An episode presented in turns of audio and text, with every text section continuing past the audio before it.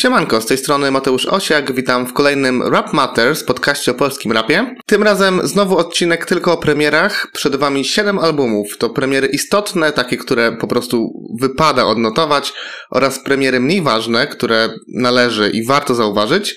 Zapraszam do odsłuchu odcinka.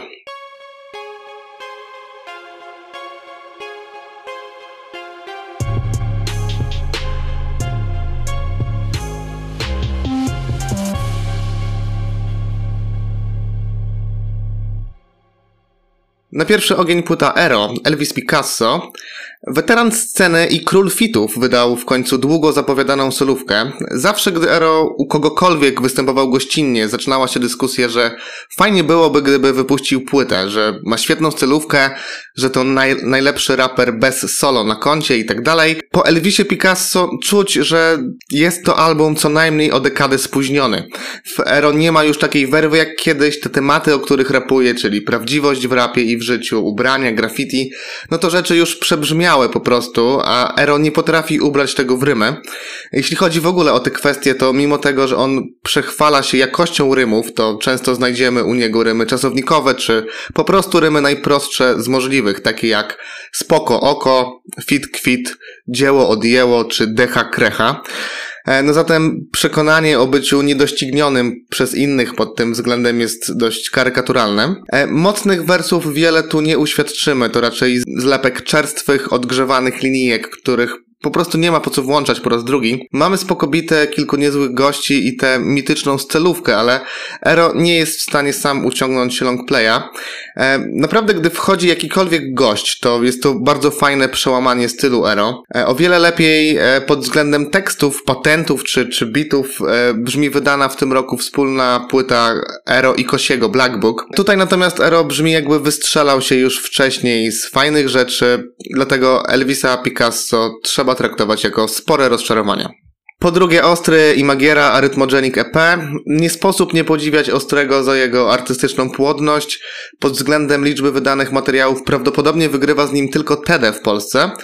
E, Ostry jednak rok w rok, e, a czasami nawet częściej raczy nas e, swoimi albumami, które czasami są nawet dwupłytowe. No problem oczywiście w tym, że idzie w ilość, a nie w jakość. Dlatego po krótkim odbudowaniu się na podróży zwanej życiem czy życiu po śmierci, zaczął z powrotem staczać się w mizerny, słaby rap.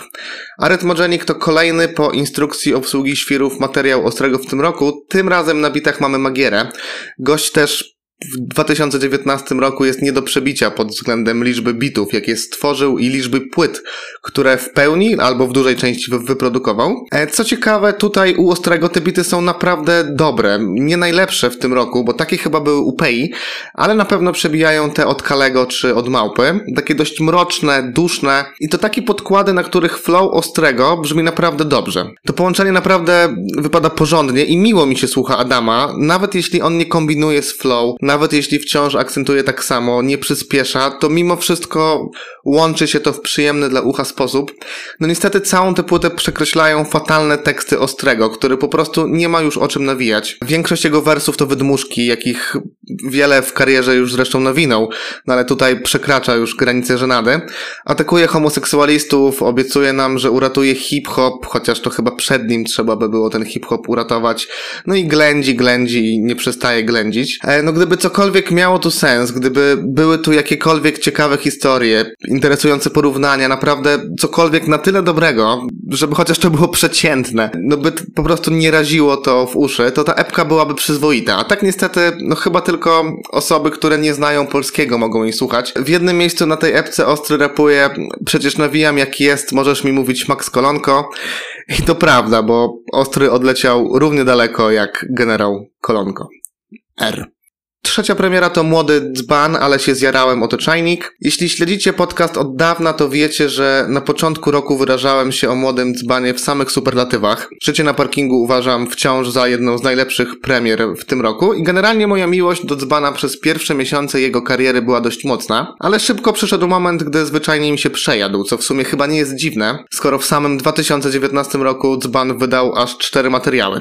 O ile coś mi nie umknęło, a przy, ty, przy takim natłoku jest to możliwe. Ale się zjarałem, oto Czajnik jest zatem piątą płytą dzbana i trzeba przyznać, że te kilka miesięcy przerwy, które sobie zrobił, wpłynęły na niego zbawiennie.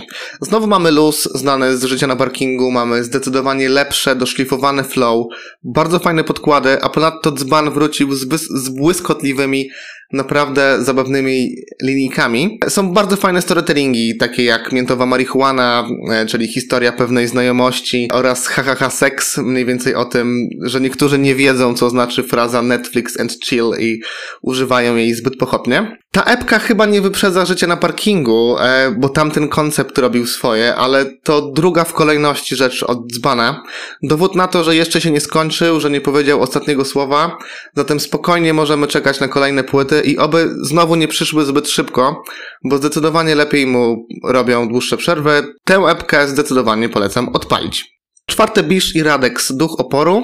E, to kolejna płyta Bisza z Radexem e, i jest bardziej udana niż poprzedniczka, co niestety nie znaczy, że jest to płyta dobra. Podkłady Radexa hip-hopowe nie są. Bisz robi wszystko, by na nich nie rapować, a wygłasza swoje teksty za pomocą melorecytacji czy innych zabiegów, no, którymi zdaje się próbuje jak najdalej uciekać od rapu. I tutaj leży największy problem tej płyty, bo to płyta, która w zamierzeniu ma być jakąś poezją śpiewaną, czymś bardziej ambitnym niż rap, czymś głębszym, przeznaczonym dla innych słuchaczy. Natomiast uciekając od rapu, Bish robi sobie krzywdę, bo on śpiewać nie potrafi, balansuje między kilkoma światami i nie zanurza się żaden, w żaden z nich. Teksty napisał po rapersku, jest tu mnóstwo gier słownych, e, wiele naprawdę dobrych i błyskotliwych, takich wielowarstwowych, które kapitalnie brzmiałyby, gdyby zostały zarapowane na bitach OERA czy jakiegokolwiek innego producenta, z którym Bish wcześniej współpracował. Brakuje tu emocji, brakuje tu krzyków Bisha, ściszeń, zabaw flow, czegokolwiek, co by nas kopnęło w głowę, tak jak kiedyś Bisz potrafił to robić. Duch oporu niestety po mnie zupełnie spływa, nie przykuwa mnie, nawet jeśli Bisz ma tu, tak jak wspomniałem, naprawdę niezłe momenty, to ta zerowa ekspresja, ta nieangażująca zupełnie muzyka, ale też trochę to, jak Bisz czasami uważa swoje proste przemyślenia za jakąś wielką prawdę, jak w kawałku Lasko, e, albo wtedy, gdy jak w świetle wody podnieca się swoimi wersami, które lecą tak. Mówią czas leczy rany, mówią czas leci, rany. I on jara się tym tak bardzo, że aż powtarza to dwa razy. No jest to zwyczajnie słabe. Na drugim końcu są tak chwytliwe wersy jak z kości słoniowej wieże rosną, budzą podziw, ale skąd te kości? Kongo to obchodzi? Zbawiennym byłby dla Bisha powrót do rapu, co pokazywały zresztą jego epki wydawane dość niedawno, czyli Piękno i Bestia czy Ukryte w śniegu, bo rapującego Bisha wciąż da się słuchać. Nie jest to może pik jego formy, e, boję się, że do tego już nie wróci, ale to w rapie jest jego miejsce. Nawet jeśli on uważa inaczej, no to kolejna płyta z Radexem przejdzie niezauważona w hip-hopowym środowisku i pewnie poza dotacjami z Narodowego Centrum Kultury albo tego podobnych instytucji Bish nie zarobi na takim rapie. No i ja też przyznam, że zupełnie nie mam potrzeby odpalać tej płyty ponownie, a tym bardziej iść na koncert. Kolejna rzecz to Temski Tela Soul. Przy okazji kolejnej płyty Temskiego, jak zwykle przypominam, że jest on odpowiedzialny za jedną z najbardziej niedocenianych płyt w polskim rapie. I ta płyta to Mardi Gras, podaj dalej. Więc jak jej nie znacie, to sprawdźcie. E, a kolejny krążek Temskiego, czyli Tela Soul, to po prostu rap dla garstki starych jego słuchaczy, którzy go lubią, szanują, którym odpowiada taka muzyka dla ludzi dojrzałych, bo tak to chyba trzeba nazwać. To dalej takie truskulowe gadanie na truskulowych bitach. E, jest kawałek o ojcostwie z szaloną zwrotką Tediego Teda.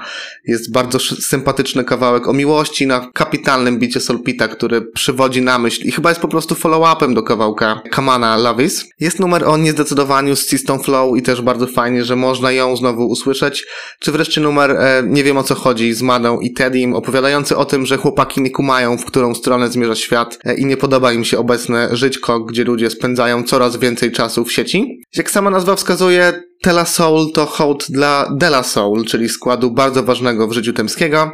Naprawdę bardzo fajnie się tego słucha. To być może nawet najlepsza solówka Temskiego w karierze i cieszę się, że nie odpuszcza, że dalej raz na jakiś czas puszcza kawałki, puszcza krążki. Nie, nie oszukuję sam siebie. Ja wiem, że nikogo nie przekonam do, do sprawdzenia tej płyty, ale jak ktoś zna i lubi Temskiego, to, to nie przegapcie tego, że wydał kolejny album.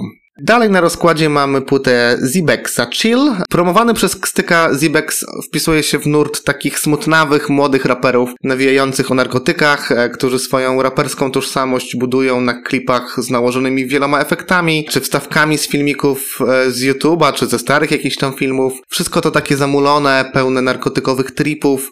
Tego dotyczy też chyba najsłabszy kawałek z tej płyty, czyli LSD, w którym opowiada o zabitym ziomku, rozwalonym samochodzie. W klipie pojawia się ziomek w bagażniku, broń, a grają w tym klipie kumple Zibeksa z liceum, co wygląda jak jakiś taki śmieszny, w cudzysłowie oczywiście, wstęp do filmu ze studniówki. No niemal w każdym kawałku pojawiają się Joye, Zibex jara je nawet z babcią i dziadkiem, także w jednym z teledysków można to sobie obejrzeć. No nie jest to płyta dla mnie, ani tematyka ćpania mnie nie jara, tym bardziej, że jest wałkowana niemal bez przerwy przez 10 kawałków. Uśmiech jest fajnym bitowym urozmaiceniem i wtedy, mimo że Zibex wciąż rapuje tym przymulonym flow, to pokazuje się troszkę z innej, korzystniejszej strony.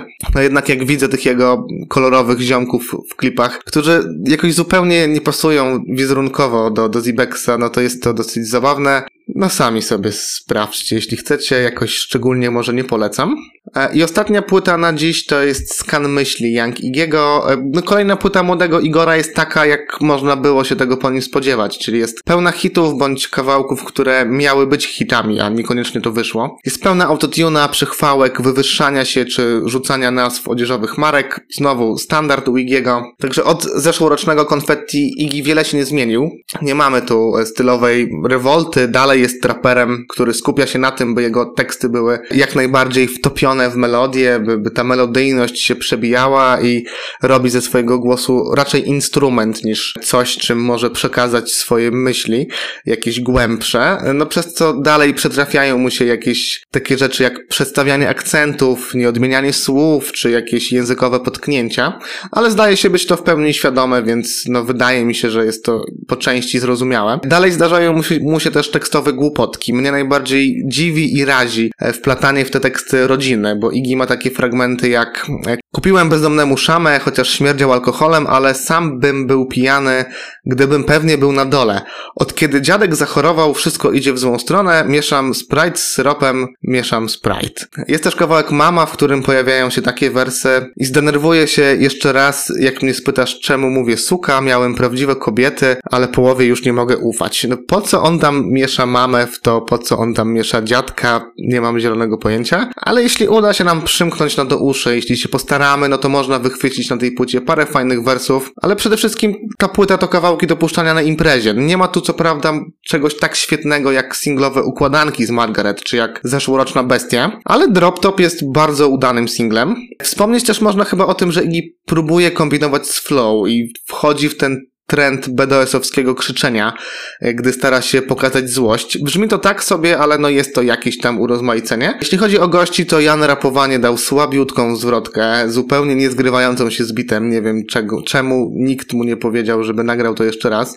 Włody i Kizo to takie standardowe z zwrotki, y, czyli Kizo o niczym, a Włody o marihuanie. No generalnie całość jest słuchalna, chyba oczko niżej jednak niż konfetti, ale na pewno o wiele lepiej niż na tegorocznym mixtape'ie Iggy Tape. Także to solidny, ale nieprzekonujący krążek. I to tyle na dziś. Widzimy się w odcinku wideo w przyszłym tygodniu. Podcast możecie wspierać na Patronite. Linki do social mediów znajdziecie w opisie.